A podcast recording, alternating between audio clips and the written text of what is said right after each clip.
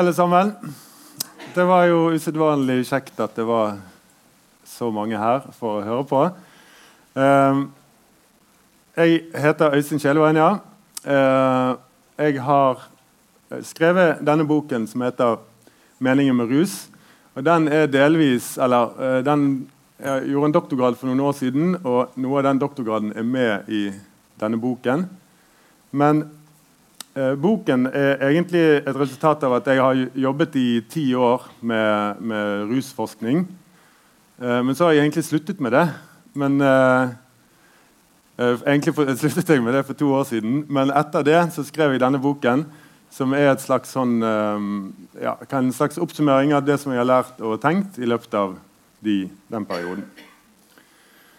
Og så har jeg skjønt at eh, når man har gitt ut bok, så har man lov til å lese fra sin egen bok.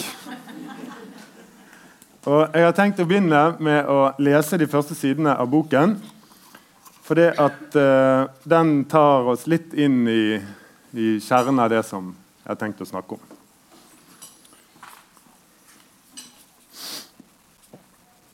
Så da bare begynner jeg. Det er rolig på puben fredag morgen klokken ni. En håndfull eldre menn og et par kvinner sitter for seg sjøl. Noen av dem ser i en avis, og andre ut i luften. Alle drikker øl, og stemningen er dempet. Det klirrer i glass fra, eh, fra baren, det knirker litt i noen stoler. Og døren som innimellom åpnes av nye gjester, skaper det som er av bevegelse i rommet. En som ankommer, kikker rundt seg, nikker med hodet og mumler et hei til en annen som sitter der. Han finner et ledig bord, henger jakken på stolen og går mot baren der bartenderen har begynt å fylle opp en halvliter. Han finner frem en 50-lapp og sier hun kan beholde resten, tar en slurk av ølet og sier det smaker like godt som i går. Ja, han gjør vel det, svarer bartenderen og smiler. Gjesten tar med seg glasset, plukker opp en avis fra bardisken og tusler tilbake til bordet. I en gate noen steinkast fra puben er små grupper av mennesker samlet. Enkelte subber sakte omkring med bøyd nakke og slitte klær, oppsøker folkene som oppholder seg der. Det fikles i lommer, krøllete pengesedler skifter hender, og når heroin er sikret, starter jakten på et egnet sted å innta det. Noen finner en rolig park i en, plass, nei, i en park. De finner frem utstyret som trengs. Sprøyte, kanyle, lighter, kokeskje, syre og litt væske. Koker opp, trekker opp, staser opp armen og leter etter en blodåre som gir svar. Når stoffet er i kroppen, så blir de liggende og slappe av, duppe litt, helt til noen vektere ber dem forlate stedet. Da pakker de sammen tingene og vender tilbake til gaten de kom fra. Senere samme dag fylles uteserveringene opp av smilende mennesker. Det er sommer i luften, lønningsdag og fredagspils med kollegaer. Servitører småløper mellom bordene med brett fylle av øl og vin. På to av bordene er stemningen ekstra lystig. Der serveres champagne, og en kvinne i 40-årene reiser seg og sier noen ord om hvor mye de har fortjent dette. De har kommet seg gjennom en tung omorganiseringsprosess. Nå kan de endelig se fremover, og det ser lyst ut. I dag er starten på en ny æra, og firmakortet ligger i baren. Det skåles, og alle nikker og smiler. Samtaler rundt bordet flyter, og nye flasker med god drikke kommer i en jevn strøm. I et vindkast treffer den søte eimen av marihuana de ytterste bordene. Noen av gjestene registrerer det og kikker rundt seg. Lokaliserer hvor det kommer fra. I parken rett bortenfor er en større gjeng i 20-årene samlet. De stråler i lyse sommerkjoler og bare overkropper. Engangsgrill er fyrt opp, bokser med øl og flasker med hvitvin løftes ut av bæreposene, og en joint går rundt. Eksamen er ferdig, måneder med lesing, angst og usikkerhet er forløst, og nå venter en lang sommerferie. En jente lar seg falle bakover i gresset, ler og strekker hendene i været. Endelig! Venninnen følger etter, de klemmer og ler enda mer. På balkongen i en av de lave bygårdene som grenser til parken, står fire menn i begynnelsen av 30-årene og nyter solnedgangen. Alle har såkalt barnefri, og det er lenge siden vennene var samlet for en hel helg sammen. Leiligheten er ryddet og vasket, vertens kone og barn er hos svigers. De neste døgnene er godt planlagt. God mat er handlet inn, og utvalgte flasker fra vårsleppet på polet er plukket ut. Men denne kvelden er viet til Emma. De går inn i stuen, finner frem krystallene og skiller ut fire små doser. Stoffet legges på tungen, og de unge småbarnsfedrene legger seg på gulvet og venter. Musikken begynner å virke. De reiser seg. To begynner å danse. To begynner å klemme. De smiler, kjenner varme og bestemmer seg for å droppe turen ut. De har det fint der de er. Natten siger på, og det blir kjøligere i luften. Parkene er tømt, og folk har trukket inn på klubber og puber. Enkelte steder er køene lange. Noen gir opp og setter kursen hjemover. De går innom en matvogn og kjøper burritos. Folk rundt dem er fulle, har drukket i mange timer. En kvinne sitter på huk og hulker. En venninne forsøker å trøste. En mann står med hendene på knærne, vræler ut oppkastet, og kameraten står ved siden av og ler. En politibil kjører sakte forbi, ignorerer det meste, gir små støt med sirenen for å tilkjennegi sin tilstedeværelse. Snart senker stillheten seg i gatene. Taxikøen er oppløst, og sjåførene leter etter en siste tur. Rester av pølse, kebab og knust glass ligger strødd. Feiebiler har startet opprydningen. To unge menn og en kvinne stiger opp i en container. Ivrige og med pupiller store som druer leter de etter skatter som er kastet etter dugnaden i bygården. Se på dette. De snakker uavbrutt, fyller en sekk og vandrer videre mot nye funn. Rolige elektronikere og glade stemmer fra et åpent vindu fyller gatene. Se hva jeg fant. Lyden av en kork som spretter. De jubler og danser videre. Natten må aldri ta slutt, og en sier hun vet om et hull i gjerdet på Nordnesbadet. Snart ligger de og vaker i soloppgangen. Klokken åtte låser bartenderen opp døren til puben, og noen minutter senere kommer en eldre mann med avis under armen. Han hilser og peker på tappekranen. Bartenderen fyller en halvliter og plasserer den på disken.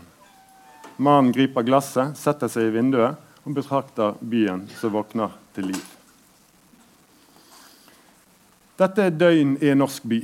Noen drikker fredagspils med kollegaer, andre drikker morgenpils alene på en pub.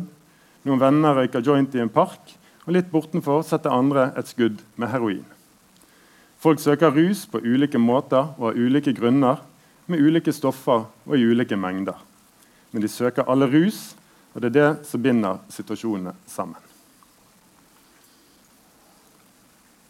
Sånn kan altså en kveld i en norsk by se ut i dag, i 2019.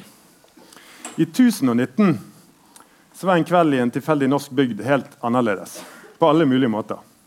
Men det kan godt være at rus var involvert. I hvert fall hvis det var noe spesielt å markere.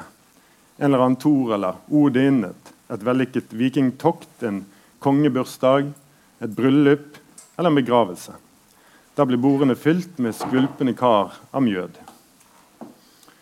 Noen tusen år før det igjen, f.eks. 1500 før Kristus, så samlet egypterne seg for The Festival of Drunkenness, som kan oversettes med fyllefestival. Etter beskrivelsene som finnes om disse festivalene, fremstår vår tids russefeiring og julebord og utdrikningslag nesten som en kirkekaffe. Det skulle drikkes, det skulle elskes, det skulle synges, og til slutt skulle man være så full at man kollapset. Det ideelle var å ramle av stolen man satt på, og hensettes i søvne på gulvet. Østover i den asiatiske delen av verden var det opium som gjaldt. Det virka på en annen måte, så kinesernes rus var noe mer dempet. Opium ble gjerne konsumert som en drikk, og det var vanlig høflighet å sette det frem når gjester banket på. Senere ble opiumsbruken institusjonalisert med noe som ligner på vår tids barer. Noen var rene og fine og tilbød et variert utvalg av opium, mens andre var skitne og lugubre og gjestene tok til takke med det de fikk. Inderne hadde også tilgang på opium, men der fikk også cannabis en sterk posisjon. Ikke minst fordi det ble forankret i hinduistisk religion. Cannabis er omtalt i 4000 år gamle religiøse skrifter, og myten går som følger. Shiva, altså Gud, oppdaget cannabisplanten ved en tilfeldighet. Han hadde sovnet i skyggen av noen slike planter med store blader og Da han våknet, ble han nysgjerrig på hva det var, og han høstet noen eksemplarer. Han hadde vært litt nedfor etter en krangel med familien. Men etter å ha smakt på bladene så kjente han seg straks mer oppstemt og i godt humør. Han hyllet dermed denne planten, noe som ga han statusen lord of bang, som altså er ordet for eh, noen cannabisvarianter i India. Og Jeg kunne fortsatt i en evighet med sånne historiske beretninger om rus. Men hvor vil jeg med det? Jo, det handler om det enkle faktum at mennesker til alle tider og overalt har søkt rus. Når mennesker har oppdaget substanser som gir rus, så har de også tatt det inn i kulturen, gjort dem til en ingrediens i tilværelsen. Og det ligger så et premiss for denne boken at vi sannsynligvis kommer til å fortsette med det. Og Det er ikke akkurat en kontroversiell hypotese. Men hva er rus? Rent kjemisk så handler det om at når vi inntar et rusmiddel, så økes aktiviteten i hjernens belønningssystemer. Det blir økt bevegelse og tilfang av signalstoffer i denne regionen av hjernen. Såkalte nevrotransmittere, som f.eks. dopamin og serotonin. Og dette gir følelser av velbehag. Og vi er biologisk rigget for rusopplevelser. Disse mekanismene kan iverksettes uten at vi inntar et rusmiddel. Og Det har en evolusjonær forklaring. Rus er som et insentiv for at vi skal gjøre det som er aller mest nødvendig for artens overlevelse. Når vi spiser, og når vi forplanter oss. For å bruke et eh, fargerikt begrep. Også Da blir det økt aktivitet i disse belønningssentrene. De ulike signalstoffene de strømmer rundt og gir disse gode følelsene. Det er dette som kalles naturlig rus. Men hvis det er naturlig rus, er rusen fra stoffene unaturlig? Og hva betyr i så fall det? Er det juks? Tilværelsen består i stor grad av å justere bevisstheten i retninger man verdsetter. Man velger å være sammen med noen fremfor andre. Man løper en tur, går på fotballkamp eller gudstjeneste. For ikke å snakke om kaffe om morgenen. Hvor viktig er ikke den for mange? Den inneholder jo også et sentralstimulerende stoff, koffein. Og Rusmidler er ett av mange verktøy for å søke tilstander man ønsker. Og Mitt utgangspunkt er at det er ikke noe galt med det i seg sjøl. Det er åpenbart situasjoner der det ikke passer hvis man skal kjøre bil eller ansvar for sikkerheten til noen barn. Men det er ikke alltid det passer å ta en to timers løpetur heller, hvis man egentlig burde vært hjemme og hjulpet barnet med leksene. Så, så lenge det ikke går utover andre, så er utgangspunktet at rusmidler ikke står tilbake for andre tilgjengelige måter å søke verdsatte bevissthetstilstander på. At noe er unaturlig, gir det også en farge av noe uekte, noe falskt. Så er rusen fra rusmiddelet falske opplevelser.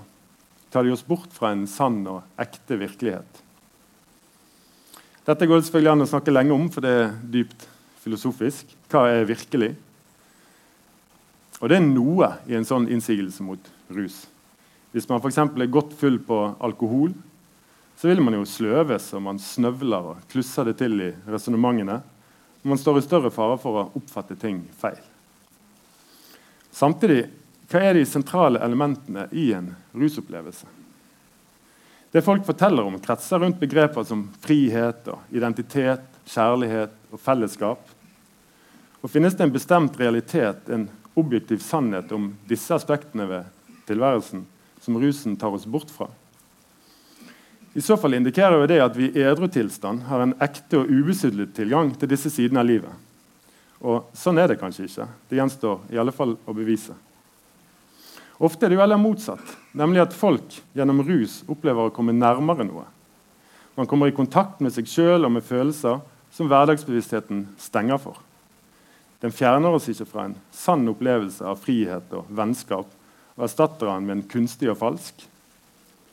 Som opplevelser som opptrer i bevisstheten, så er rusopplevelsen like ekte og virkelig som hvilke som helst andre opplevelser.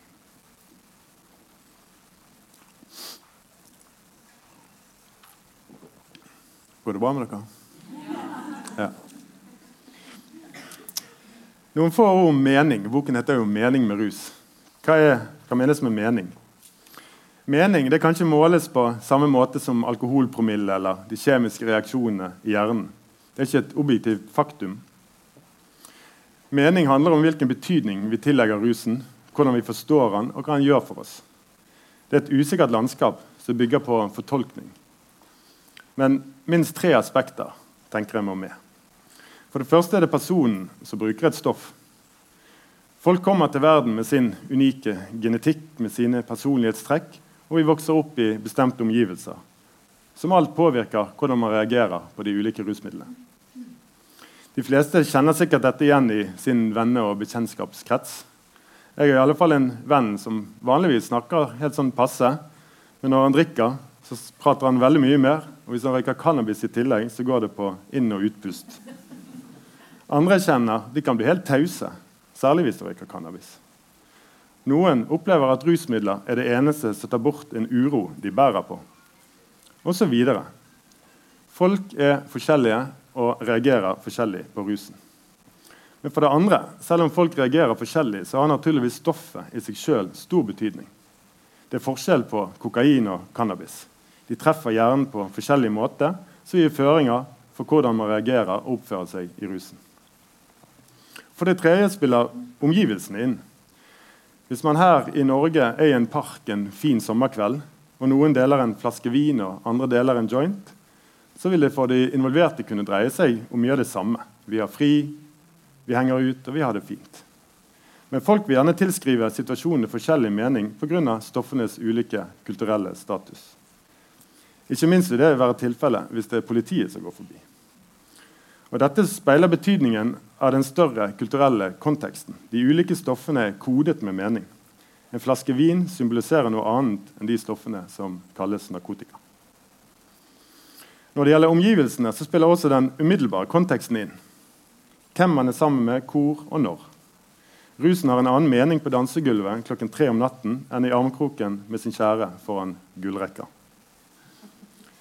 Så altså, Rusens mening handler om et samspill mellom personen som ruser seg, stoffet og omgivelsene for situasjonen. Denne boken handler om hva rusen gir, mer enn hva rusen tar. At rusen også tar noe, at det er risiko og skade involvert, det er jo udiskutabelt.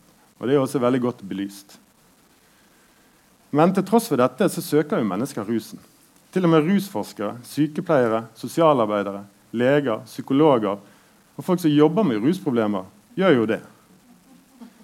Og de vet jo, som andre, at de aller fleste situasjoner med rus de forløper jo helt uten problemer.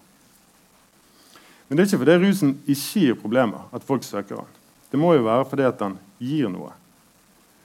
Og Mange har kanskje erfart at den gir noe på minst to ulike måter. Rusen kan gjøre gode ting bedre, og den kan dempe noe som er vondt. Dette kaller jeg for henholdsvis rus for å leve og rus for å være. Så Vi kan først snakke litt om rus for å leve. Det er den alminnelige rusens mening. Det som gjør at de fleste i vårt samfunn søker den fra tid til annen. Det er rusen som bidrar til at hverdagen brytes opp, og grenser tøyes og bøyes, og monotoni erstattes av noe ekstraordinært. Det er den rusen som hjelper oss hvis det er ting vi ønsker å si, følelser vi ønsker å kjenne, og erfaringer man ønsker å få. Den bidrar til opplevelser av frihet og fellesskap og frimodighet som det daglige ofte stenger for. Det dreier seg altså om en overskridelse både av den edru bevisstheten og den vanlige hverdagen. Rus for å leve det høres kanskje litt pompøst ut. For det er jo ikke en sånn eksistensbetingelse. Man overlever jo fint uten disse rusmidlene.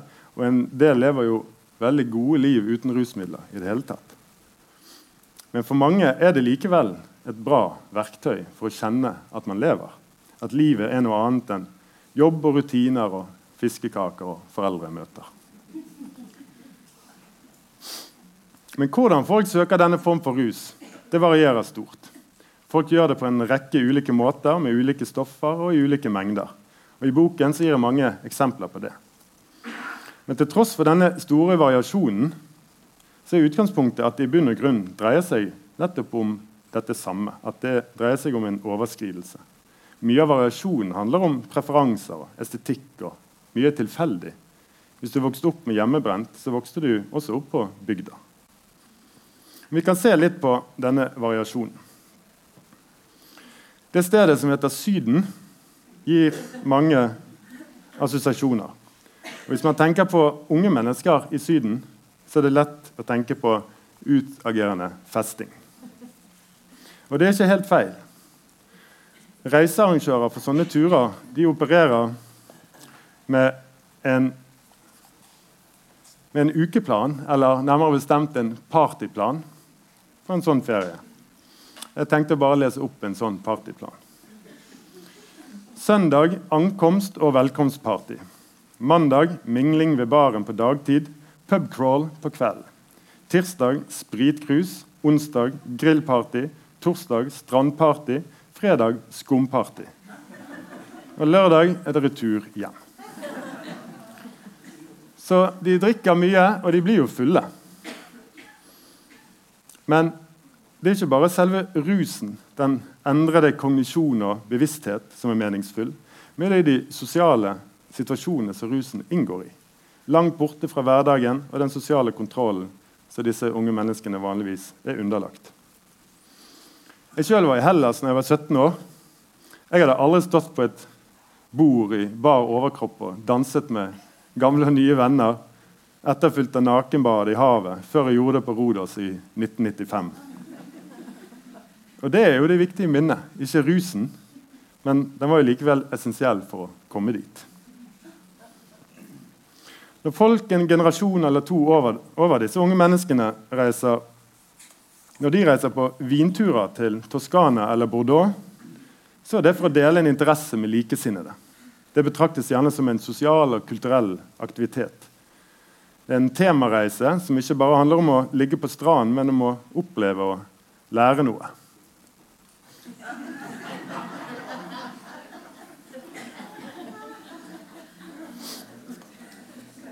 Men hvis man tar en nærmere titt på dagsplanene for sånne reiser, så oppdager man jo at rusen også der er uunngåelig. Disse, eh, disse, er mye mer ordrike enn disse ungdomsturene, men jeg kan lese et lite utdrag. Dag 1. Ankomst Bordeaux på ettermiddagen. Velkomst med vinkjennerguiden og vinsmaking og middag på restaurant i gamlebyen. Dag to. Utflukt til vinslottet Chateau Jeg er ikke så god i fransk, men Chateau Giscourt etter frokost med vinsmaking.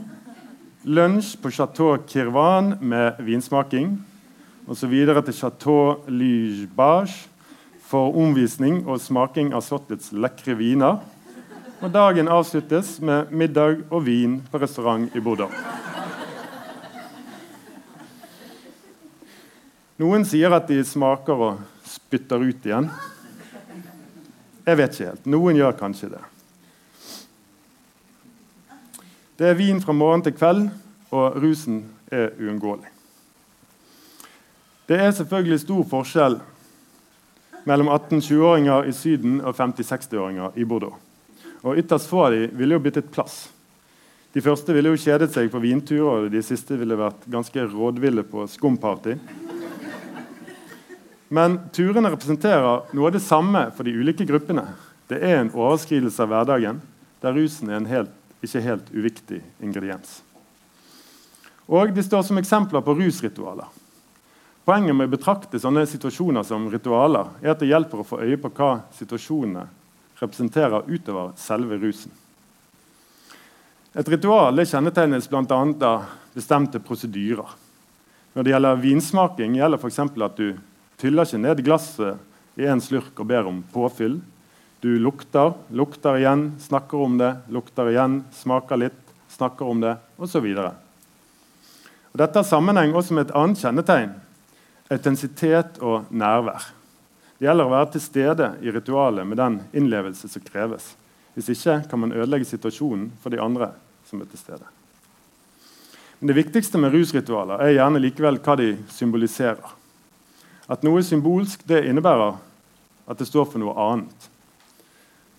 Og En helt spesiell funksjon med rusritualer er at de symboliserer fellesskap. Lønningspils er et vanlig og bra eksempel. Vi som jobber sammen, vi har akkurat fått lønn, og det markerer vi ved å gå ut for en drink. Og Sånn gjør vi relasjonene til noe mer enn rent profesjonelle. Vi knytter andre typer bånd, vi utvider rommet for fellesskap.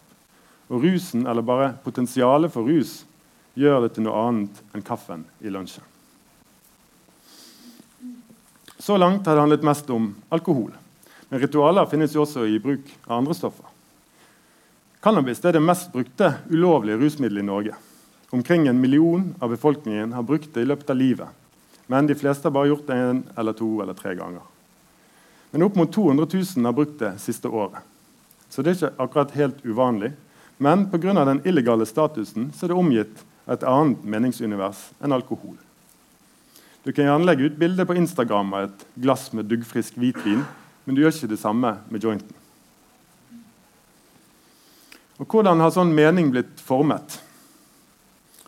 Stoffet ble kjent, eller Cannabis ble kjent i Norge på midten av 60-tallet, da unge mennesker, inspirert av hippiebevegelsen i USA, samlet seg i Slottsparken i Oslo. Av forskjellige grunner så ble alarmen slått på hos myndighetene. Kunnskapen om stoffet var liten, men fagmiljøer, politikere og medier var samlet om at kampen mot cannabis måtte kjempes med de aller sterkeste midler. Det var føre-var-prinsipp på steroider, der målet var å fordrive cannabis fra det norske samfunnet gjennom forbud og straff. Det ga mange utslag. Og det ga noen utslag som også kan være litt morsomme i etterkant. F.eks. når VG skriver på forsiden i 1966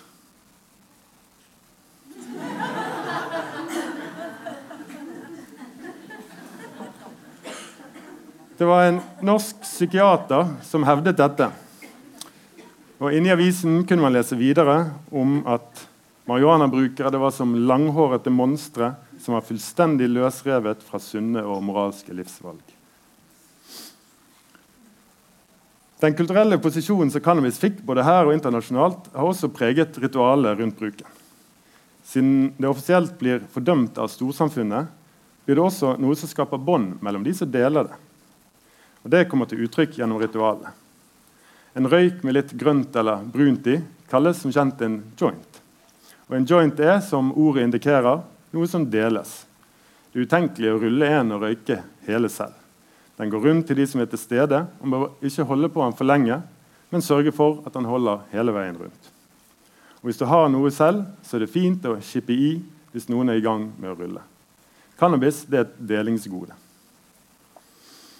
Og det er heller ikke helt uvanlig at Når en joint går rundt, så kan samtalen dreie inn på stoffet og dets plass i samfunnet. Hvor ute det er at det er kriminalisert, så fredelig og fint som det. Samtidig så er innenfor å tylle i seg sprit og svirre rundt på Torgallmenningen. Og Alt dette gir grunnlag for opplevelse av fellesskap. Vi har skjønt noe som de andre ikke har skjønt. Men i disse tider så endres cannabisens kulturelle posisjon. Det pågår en legaliseringstrend internasjonalt, og kanskje kommer han også hit. Med noe som ligner polutsalg for cannabis. I så fall vil jo også meningsdimensjonen forandres, og flere folk vil assosiere cannabis med vanlige former for sosialt fellesskap. Det kan være noen vennepar som samles, og der kanskje vinen blir erstattet med en pipe eller lignende.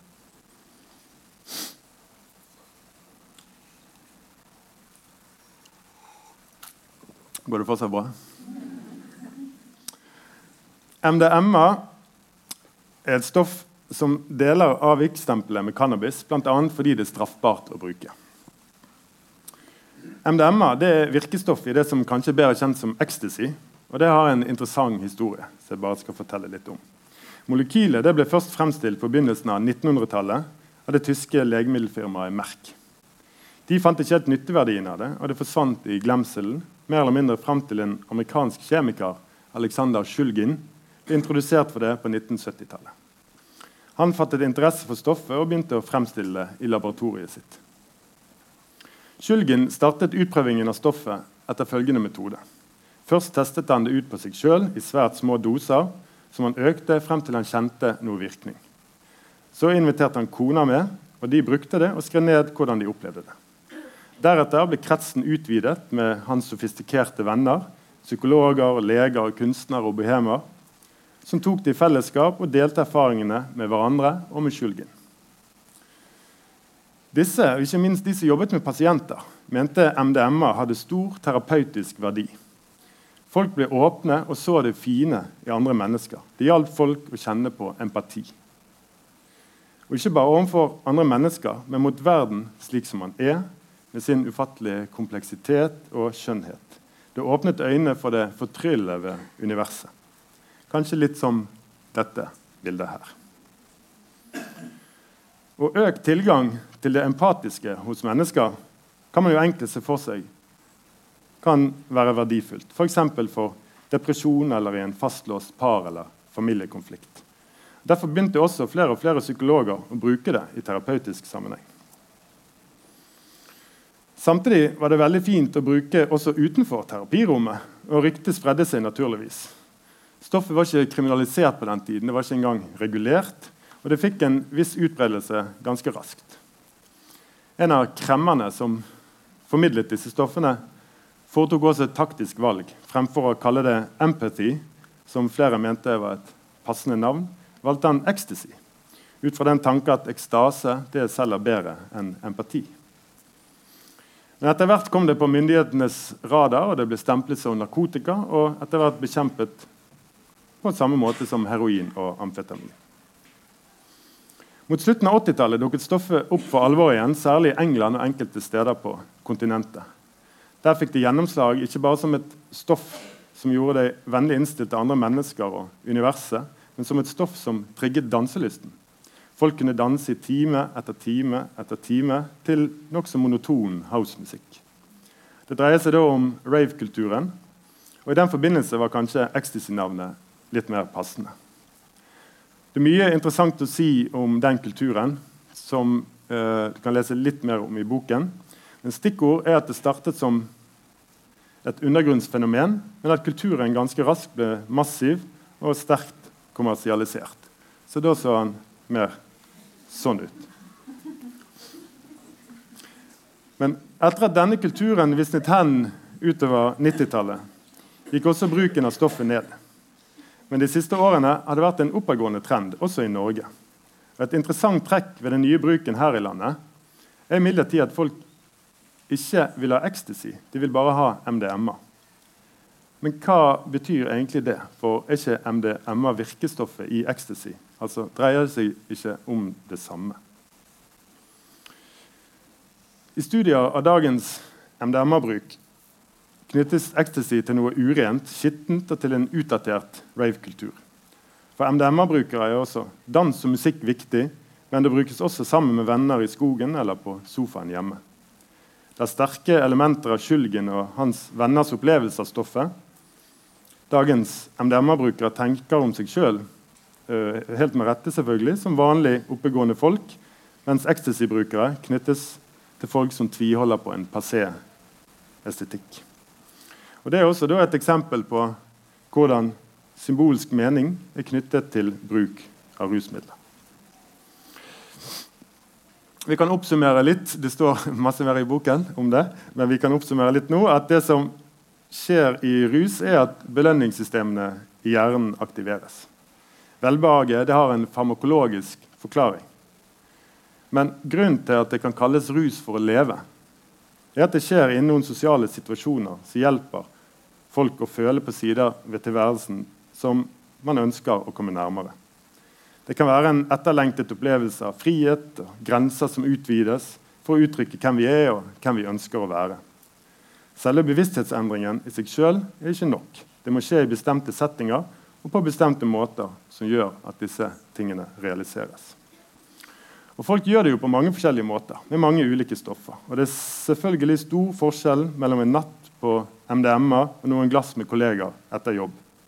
Men i bunn ligger gjerne noe felles, som handler om å gå utover det ordinære og forsterke verdsatte følelser og opplevelser og overskride sin vanlige væren i verden. Så kan vi snakke om rus for å være. For en del mennesker er rus noe som trengs for å holde ut, for å komme gjennom dagen. Det representerer ikke lenger en overskridelse av hverdagen, men rusen blir en metode for å håndtere den. Noen har et sånt forhold til rus i lange perioder, noen i korte og noen nesten hele livet. Men mange har kanskje kjent på en flik av hva en slik form for rus kan handle om. F.eks. ved kjærlighetssorg, Hvor lindrende kan det ikke være å lulle seg inn i rusen når kroppen skriker av sorg og svik og savn? Noe som også har lang tradisjon, også i Norge, er at man samles i sorgen når noen har gått bort, over en, en eller mange gravøl. En del klarer først å gråte da, og andre klarer endelig å le. Men når rus er noe som trengs mer til hverdags, når han søkes for å være i verden, mer enn for å overskride verden, så omslutter han også en større del av tilværelsen. Den blir sterkere knyttet til identitet og til hvilke fellesskap som er aktuelle. Rus for å være minner om avhengighet. Og avhengighet er en del av bildet. Men avhengighet er ikke en klart definert tilstand. Den kan ikke måles og objektivt slås fast, sånn et brudd eller en infeksjon i kroppen kan avdekkes. Det gjør ikke avhengighet mindre virkelig, men det bygger, som psykiatriske lidelser ofte gjør, på et mer subjektivt og diffust grunnlag. Her og nå skal vi nøye oss med å si at Avhengighet handler om genetiske disposisjoner, det handler om psykologiske egenskaper, det handler om nevrale mekanismer i hjernen, og det handler om noe som mennesker bærer rundt på i samhandling med verden rundt seg. Og Det er særlig dette siste jeg skal snakke litt om. Om hvordan det er å bære en sterk dragning mot forskjellige rusmidler, hvordan det håndteres, bl.a. hvilken rolle det spiller om det aktuelle stoffet er alkohol eller heroin. Da passer det å ta opp det som var mitt doktorgradsprosjekt. Over en periode på vel tre år så tilbrakte jeg 130 morgener på puber som åpna mellom klokken 8 og 9 om morgenen. Jeg gikk forbi sånne steder på vei til kontoret og ble nysgjerrig på hva som foregikk. Så jeg gikk inn og oppsøkte den verden både fysisk og mentalt. Jeg satt i, en, satt i perioder en god del for meg sjøl, særlig i begynnelsen. Det var av og til litt uvant, jeg var usikker. Men jeg ble også oppmerksom på at det var flere som gjorde det samme. En del gjester som ganske hyppig var ute på pub om morgenen, kom alene, satt alene, og noen pils senere så gikk de også alene. Mange hadde mye mer intensivt samvær, enten at de satt med de samme folkene rundt det samme bordet, eller at de pratet løst og fast med forskjellige folk, mer tilfeldig. Så man kunne søke forskjellige former for fellesskap der. Også de som satt mye alene, kunne oppleve at det var sosialt, selv om det ikke var så tydelig hva som var det sosiale. Men det handler jo om at det å sitte alene hjemme er svært forskjellig fra det å sitte alene sammen med andre. Og Det var jo tross alt noe som skjedde. En liten hilsen på bartenderen, et nikk til en ny gjest som kom inn. Og Bare det å være i et rom med andre gjør det jo til noe annet enn å være helt alene. Så morgenpubene det er steder for mulighet til å være normalt menneskelig, selv om man driver med noe ganske sterkt avvikende og drikker øl til frokost. Pubene er tørre og varme, og man kjøper sitt avgiftsbelagte rusmiddel av en vennlig bartender, leser litt i en avis, prater med andre eller bare er til stede. Og Samtidig som dørene åpnes for de som trenger øl, så stenges kanskje byen for de som trenger heroin. I en del år har det vært ganske vanlig å gi bortvisninger, særlig i Oslo og ganske mye i Bergen. Hvis politiet mistenker at du har til hensikt å kjøpe heroin eller annen narkotika, så kan de fatte et vedtak på stedet om at du ikke har lov til å oppholde deg der det neste døgnet. Hvis du bryter et sånt vedtak, så får du bot. Og hvis du allerede har skaffet stoffet, så venter også anmeldelser og straffereaksjon, i tillegg til at stoffet inndras. Forskjellen mellom straffereaksjon og bortvisning er jo at i siste tilfelle, har, gjort, i siste tilfelle har du ikke gjort noe galt. Men politiet regner det som sannsynlig. Og Sånn blir jo også gruppetilhørigheten klargjort for deg. Sånn vi kjenner deg, sånn du ser ut, og sånn vi tolker din tilstedeværelse her, så vurderer vi sjansen for lovbrudd som så høy at vi bortviser deg i et døgn. For den som bruker heroin, så kommer dette på toppen av en hel rekke problemer som en stor andel av de sliter med. Elendig helse, og bosituasjon og økonomi, og for mange tunge traumer overgrep og omsorgssvikt. Så selv om rusen på mange måter kan ha samme mening for alkoholikeren og heroinisten, så tilskrives det helt forskjellige meninger av storsamfunnet. Derfor er det også enklere å strebe etter verdige identiteter for de som drikker alkohol. Så hvilket stoff du trenger for å være, for å komme gjennom dagen, har med andre, stor, har med andre ord stor betydning for hvordan livet kan leves. Selv om det er unektelig tungt å våkne opp med alkoholabstinenser, er veien til å håndtere denne tilstanden mer tilrettelagt for alkoholikeren enn for heroinisten. Ensomhet er nært knyttet til denne form for rus. Enten rusen kommer fra det ene eller andre stoffet.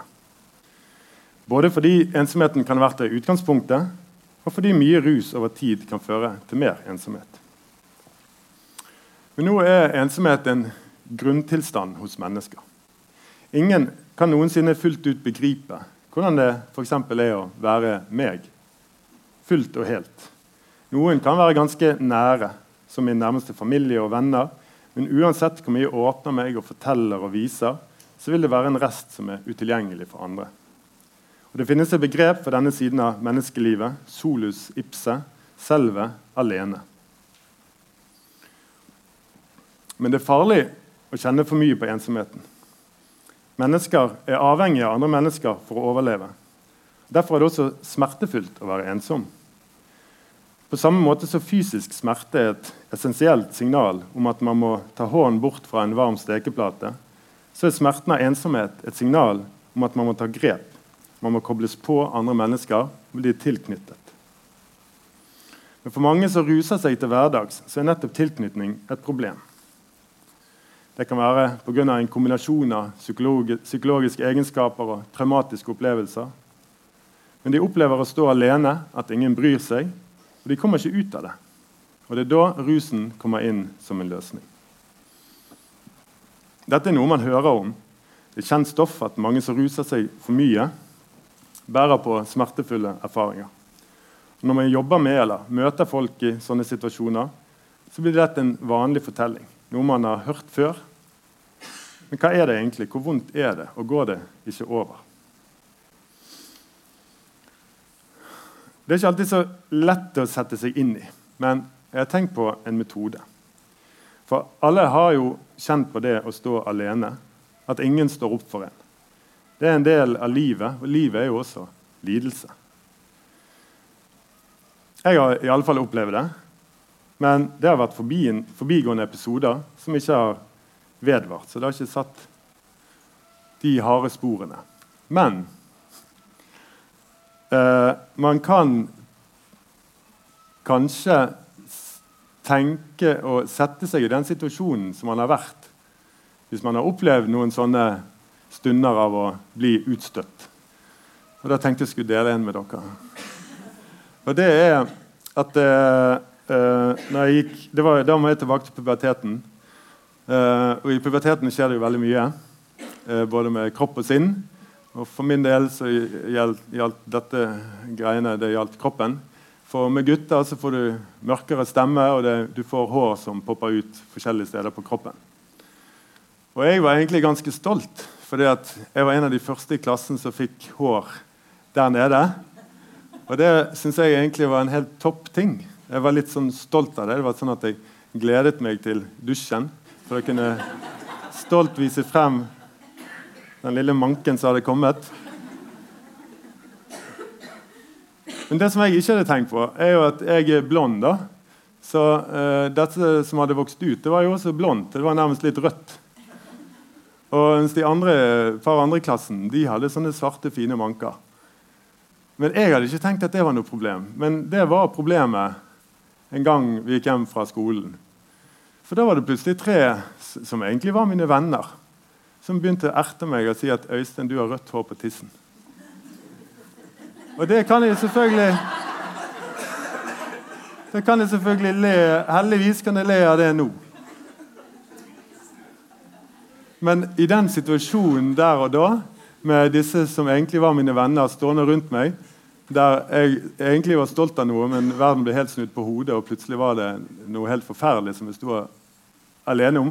Jeg følte meg altså så alene og så elendig at det var helt grusomt. Men vi var venner igjen neste dag, så det gikk bra. Men det som er greien, det er det at eh, hvis man skal sette seg inn i noe, noe av den smerten som gjør at folk tyr til rusen, så kan man tenke seg at de har det litt på den måten, for at de har det sånn hele tiden. At den uroen aldri slipper taket. Og da er det kanskje ikke så rart å forstå at de fortsetter å søke den rusen hvis det er det som gjør at den uroen dempes. Og Det er jo et perspektiv på avhengighet og mye bruk av rus at det nettopp handler om en form for selvmedisinering. Blant folk som jobber med utgangspunkt i et sånt perspektiv, så hevdes det også at hvilket stoff man ender opp med, i stor grad er et pragmatisk valg. Man velger det stoffet som lindrer og demper best for dem. Det er ikke tilfeldig at mennesker med ADHD søker til amfetamin. For Til forskjell fra andre så virker det dempende. Og Det er ikke tilfeldig at folk med traumer søker heroin, for det gir en pause fra de bildene av uroen som traumene gir. Så da kan man jo trygt si at det er synd for de som fant ut at det beste uh, for de, det finnes i kategorien narkotika og ikke i det lovlige middelet alkohol. Og Det leder over på et kapittel i boken som heter 'Den forbudte rusen'. Som handler nettopp om et helt sentralt skille i norsk ruspolitikk mellom det lovlige stoffet alkohol og alle de stoffene som havner i kategorien narkotika. Jeg går ikke nærmere inn på det her, men jeg skriver litt om hvor tilfeldig og uvitenskapelig kategorien narkotika er. At det både er helt feil og potensielt farlig å tenke om disse stoffene som ett stoff og behandle dem på samme måten. Noe av det jeg ønsker med denne boken, det er å løfte frem rus som en felles erfaring. Det er noe mennesker har drevet med i all tid, og det er noe de fleste mennesker i dag søker fra tid til annen. Og det er jo meningsfullt. Det gir mennesker noe av verdi. Og Det bør være utgangspunktet når man skal prøve å finne måter å håndtere dette på i samfunnet. Samtidig må det jo understrekes at det er all grunn til å holde rus på et lavt nivå. Det er ingen grunn til å argumentere for mer rus, heller tvert imot. Men det er kanskje på tide å være åpen for at det fins andre kilder til rus enn den man foretrekker sjøl. At folk finner mening i andre ting enn alkohol, burde jo ikke overraske. Og Et sted å starte er bl.a. at man slutter å sende politiet etter dem. Det var egentlig det som jeg hadde tenkt å si. Så uh